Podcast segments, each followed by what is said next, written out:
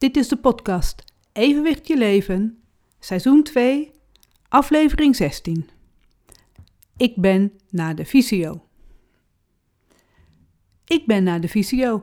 Dat zeg ik vaker. Dat zeg ik ongeveer uh, om de week, om de twee weken. Want dan ga ik naar de fysiotherapeut. En waarom? Dat heeft te maken met mijn uh, nek en mijn schouders. Dat gaat geregeld vastzitten. En soms weet ik niet eens dat mijn nek vastzit, want ik heb er dan geen pijn aan. Maar als de fysiotherapeut dat gaat behandelen en gaat masseren, dan is het wel degelijk pijnlijk. Dan zitten daar zere plekken in, wat ik zelf nog niet eens uh, als pijnlijk ervaar, maar dat het er wel zit. En dat is waarschijnlijk een soort uh, beschermingsreactie van mijn eigen lichaam, dat ik mijn hoofd heel vaak stil hou.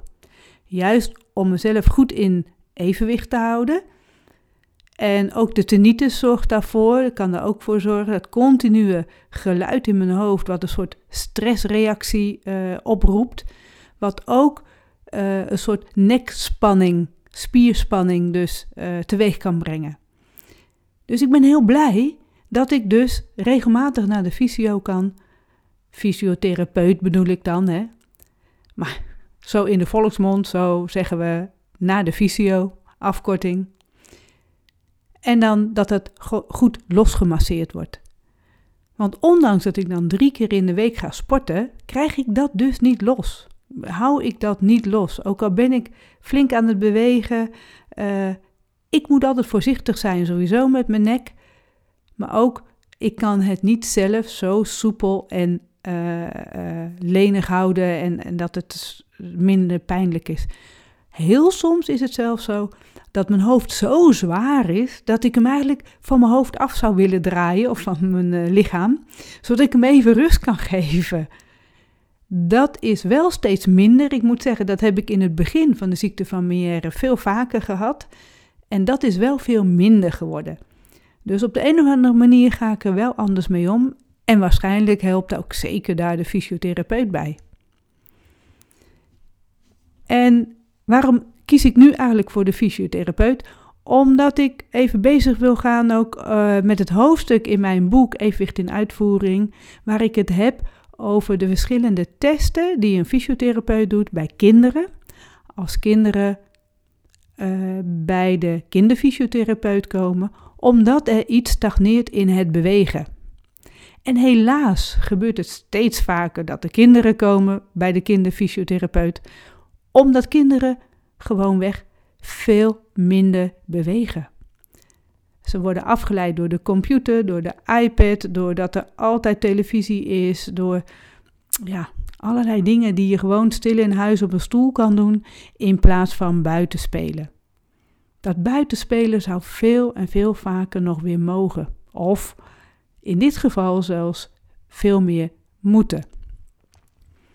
En dan wil ik even een lijstje opnoemen van dingen die kinderen graag doen als ze niet achter de computer zitten. Nou, daar komt ie hoor. Ondersteboven hangen en je voeten in de lucht laten bungelen. Of drie traptreden tegelijk nemen. Ergens vanaf glijden. Ronddraaien tot je duizelig bent. Op je tenen lopen. Touwtjes springen. Huppelen. Schrommelen. Hinkelen. Wipwappen. Tikkertje doen. Boompje klimmen. Op smalle regeltjes lopen. Voetballen. Verstoppertje. Zoveel. En er kan nog heel veel meer bij.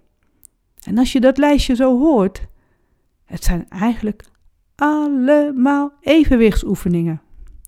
Dus dat buitenspelen, het buiten bewegen, trouwens ook binnen bewegen, de trap af en op en binnen een hut bouwen en daar dan inkruipen. Het heeft allemaal met evenwicht te maken. In het boek noem ik ook een verhaal wat in de, uh, op school gebeurt. Het is een uh, verhaal van een leerkracht die dus met kinderen werkt, uh, leerkracht van de basisschool. En die heeft het volgende geschreven. dan lees ik voor uit het boek. Het is fascinerend om kinderen in mijn klas te observeren. Het ene kind is zeer bewegelijk en praat heel weinig. Het volgende kind is stijf, stram, beweegt weinig en heeft praatjes voor tien en alles daartussenin. Een kind kan heel avontuurlijk zijn en alles uitproberen. En er zijn kinderen die alleen iets nieuws durven aan te gaan als het is uitgelegd en voorgedaan. Neem Patrick. Hij is altijd ergens mee bezig en werkt snel, soms zo snel dat hij alle extra opdrachten ook maakt. Hij kan niet stilzitten of stilstaan. Hij hangt en zit op allerlei manieren op en om zijn stoel en soms ligt hij er gewoon helemaal onder. In de gymzaal heeft hij alle toestellen al uitgeprobeerd voordat de les is begonnen. Ik laat hem regelmatig extra bewegen, ook tijdens het werken in de klas. Dan mag hij even naar buiten een frisse neus halen en rennen en alle kanten opbuitelen. Hij heeft energie voor tien. Fred is het tegenovergestelde van Patrick. Fred kan de hele dag stilzitten. Hij werkt in de klas in een rustig en gestaag tempo. En in de gymzaal wacht hij op de uitleg van de gymleraar voordat hij de oefening gaat doen, waarbij hij rustig op zijn beurt wacht. Fred beweegt zich soepel en hij kan heel hard rennen. Alleen moet je hem daar wel de opdracht voor geven. Eigenlijk zou ik hem met Patrick mee naar buiten kunnen laten gaan om een frisse neus te halen, want dat is voor beide heel erg goed. Nou, zo'n verhaal. Ik zou het zelf geschreven kunnen hebben. Dit maakte ik vroeger natuurlijk ook in mijn klas mee. Al die verschillende kinderen in de klas die op een andere manier bewegen, maar ook op een andere manier in een eigen tempo allerlei bewegingen zich eigen maakten. Zoals koppeltje duikelen of uh, hoog het klimrek in uh, klimmen. Een kind wat in het begin het klimrek in klimt en niet zo hoog durft. En in de loop van het jaar steeds een stapje verder komt. En die misschien niet helemaal tot bovenaan komt, waarbij een ander kind van begin af aan al helemaal tot bovenaan durft te klimmen. En dat dat dan helemaal oké is. En dat vond ik het fijne zelf aan toen ik zelf nog uh, gymles ook gaf. Dat is natuurlijk wel heel wat jaren geleden dat ik zelf gymles gaf. Maar ik vond het altijd hele fijne lessen. En juist het open bewegingsonderwijs. Dat je dan allerlei toestellen neerzette. En dat je dan kinderen, weliswaar in groepjes, uh, in een soort circuitmodel, dat ze daar dan heerlijk konden bewegen, konden spelen, uh, klimmen, klauteren, springen.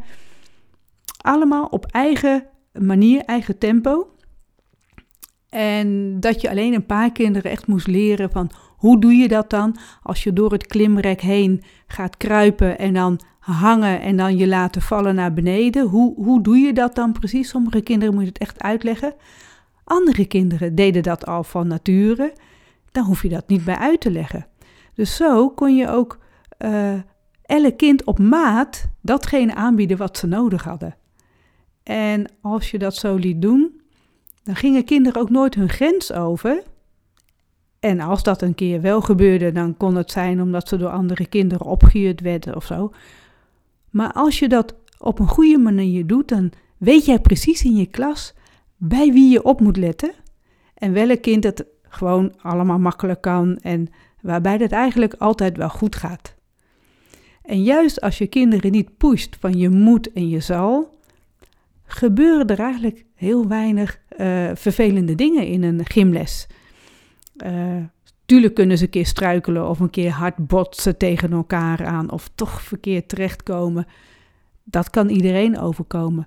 Maar op het moment dat ze dat wel op hun eigen uh, manier mogen doen en, en zonder dat ze zich dat ze gaan forceren, dan is die kans veel kleiner. En dan leren kinderen op een hele natuurlijke manier hun eigen lichaam kennen, maar ook wat ze daar allemaal mee kunnen doen en ook hun eigen grenzen verleggen. Oh, echt. Ik vond het zo leuk altijd om gymles te geven dus. En pas geleden had ik het dus met mijn fysiotherapeut erover, zo van nou, hoe dat dan vroeger ging. En zij gaf ook aan dat het inderdaad zo is dat tegenwoordig de kinderen steeds minder bewegen. En dat zij als kinderfysiotherapeut daar, nou ja, in zoverre baat bij heeft. Zij krijgt dus steeds meer kinderen te zien die bepaalde dingen gewoon nog niet kunnen. Terwijl ze dat op hun leeftijd wel zouden moeten kunnen. Of dat ze wel iets doen, maar dat op een hele verkeerde manier doen. Dus zij heeft genoeg werk om met dat soort kinderen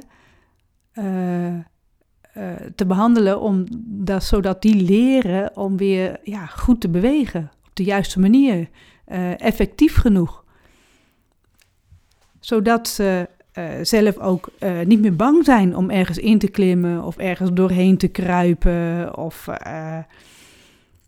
nou ja, ergens van af te springen. Dus heel veel kinderen leren dat al van nature. Maar er zijn steeds meer kinderen waarbij dat niet meer van nature gaat, omdat ze het gewoon niet doen. En dan komen ze op een gegeven moment bij de fysiotherapeut en gaan ze dat alsnog leren. En gelukkig is die mogelijkheid er. En wat dan de fysiotherapeut doet, want daar heb ik haar ook voor gevraagd, van, nou kun je eens uitleggen, wat voor testen doe je dan? En dan blijken dat, uh, zoals zij dat zelf noemt, dat zijn neurologische testen. En ik heb al die neurologische testen eens uh, mogen lezen. En ik heb ook een heel deel daarvan opgenomen in het boek Evenwicht in Uitvoering. Want al die testen die gedaan worden, zijn eigenlijk allemaal evenwichtstesten. Het heeft allemaal met het evenwicht te maken, alle basisvaardigheden. Uh, het omrollen, het kruipen, het in kniestand gaan staan. Um, ja, in schutterstand noemen ze dat. Eén been voor, één been achter, je knieën bewogen alsof je dus gaat schieten. Um, van je, je ligt op je rug en dat je dan gaat staan en hoe je dan weer ook makkelijk terug kan. Nou, al die basisvaardigheden wat een kind van nature al uh, hoort te leren, aan het begin van het leven al, dat wordt getest om te kijken hoe doen ze dat, met welke kwaliteit. Zo zijn er ook allerlei testen tijdens het voortbewegen, tijdens het lopen. Dan wordt er gekeken hoe groot is de paslengte, uh, hoe is het contact met de voet, hoe is de voet, af, me, uh, voet met de vloer, hoe is de voetafwikkeling. En uh, gebruiken ze hun armen tijdens het lopen om zich in evenwicht te houden of niet? doen ze het effectief de armen bewegen op het moment dat ze gaan rennen? En zo wordt er van alles bekeken hoe een kind beweegt. Wat ook kan, is dat ze dan uh, verstoringen aanbrengen, dat ze allerlei obstakels neerzetten. Dan moet een kind over de obstakels heen, of de omheen, of de onderdoor, of de doorheen. Grote hoepel bijvoorbeeld, waar ze dan doorheen moeten kruipen. Uh, je kunt ook een kind uh, duwen of, of trekken. Of dat, dat er een ander steunvlak is. Hè, dat ze dus over een smal riggeltje moeten, of een smalle band of er zijn zoveel mogelijkheden om dus dan soort verstoringen aan te brengen in plaats van gewoon lopen. En dat geeft allemaal informatie van hoe een kind zich beweegt, maar ook waar dus de stagnaties zitten. En nou kan het zijn dat die stagnaties komen omdat ze het nog niet aan toe zijn. Ze hebben het gewoon nog nooit gedaan, dus moeten het nog leren. Kan ook zijn dat er dus iets met het evenwicht niet goed zit. En dat is best moeilijk te bepalen, want hoe bepaal je dat de evenwichtsorganen niet goed hun werk doen? En dat is precies waarom ik dit boek ook gemaakt heb van evenwicht in uitvoering, als een soort uh, handreiking ook naar de, naar de fysiotherapeuten toe, van kijk, zo hoort het te werken. En ze hebben natuurlijk al heel veel geleerd in hun opleiding, maar net dat stukje over het evenwicht wordt niet op die manier aangeboden, zodat elke fysiotherapeut precies weet hoe het werkt. Als ik wel eens een fysiotherapeut spreek, ergens tijdens een netwerk of zo, en ik vraag het zo van, uh, nou ja, uh, je hebt het evenwicht dan, en, uh, en dan doen ze alsof ze dat dan ook allemaal precies weten. zeg, maar weet je dan ook waar het evenwicht zit? En dan vallen ze stil, want ze weten eigenlijk niet eens waar het zit. En toch zijn ze er wel mee aan het werk. Dus hoe belangrijk is het dat ze toch gaan weten, dat ze gaan leren, daar zit het evenwicht in die binnenoren, evenwichtsorganen, zo ziet het eruit en zo werkt het hele evenwichtssysteem. De, de werking, de samenwerking met de ogen, de samenwerking natuurlijk sowieso met alle spieren. Dus het hoeft niet op een gegeven moment te liggen dat de spieren niet goed zijn. Kan best zijn dat die spieren allemaal prima in zo'n lichaam zijn van zo'n kind. Maar dat doordat evenwicht niet goed functioneert, dat daarom bepaalde dingen gewoon niet lukken. Dus ja, het evenwicht testen is dan toch wel heel goed om te doen. Als je weet wat je precies aan het testen bent en hoe je uh, dan erachter kan komen als het aan die evenwichtsorgaan zit. Wat gebeurt er dan?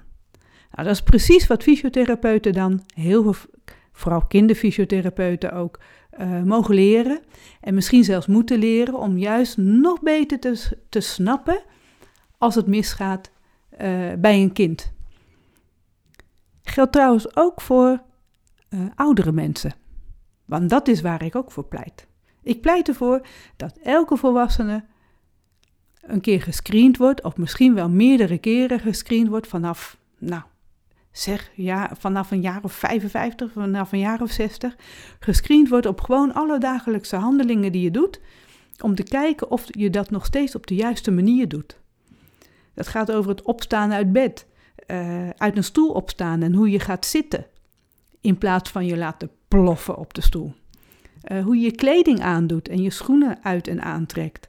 Uh, hoe je zelf uh, ronddraait, hoe je zit, je werkhouding tijdens het computeren of tijdens ander werk wat je doet. Hoe zit je dan?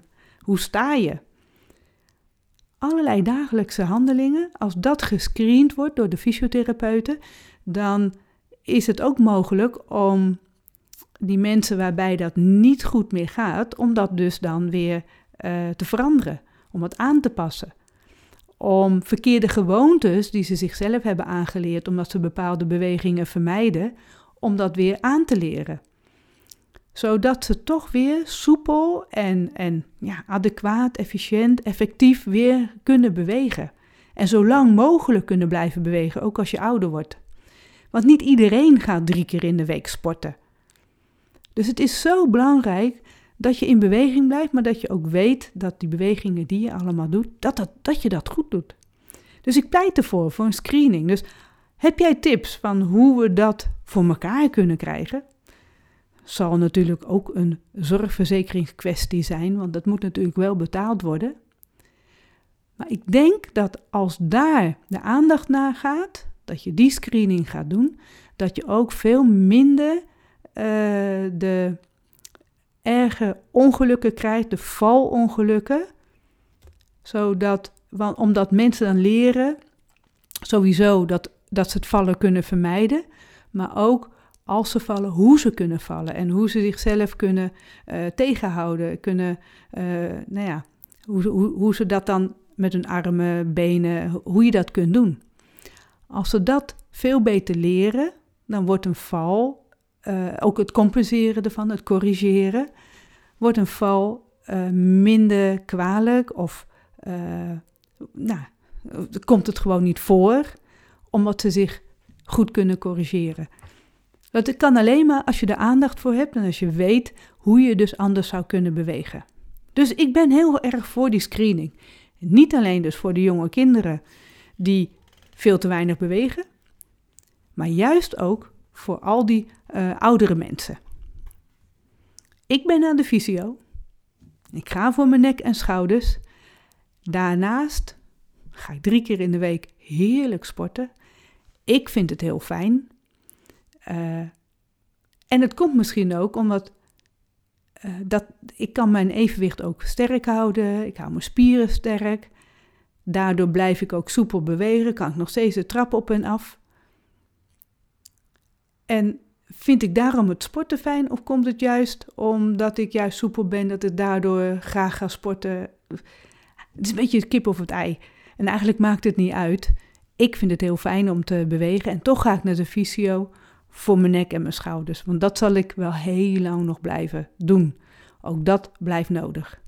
Het is ook heel goed dat die fysio er is, dat als er wat aan de hand is met je lichaam, dat het behandeld kan worden. Hoe fijn is het dat ze er zijn? Dit was Evenwicht je leven, aflevering 16. Ik ben naar de fysio. Dank voor het luisteren.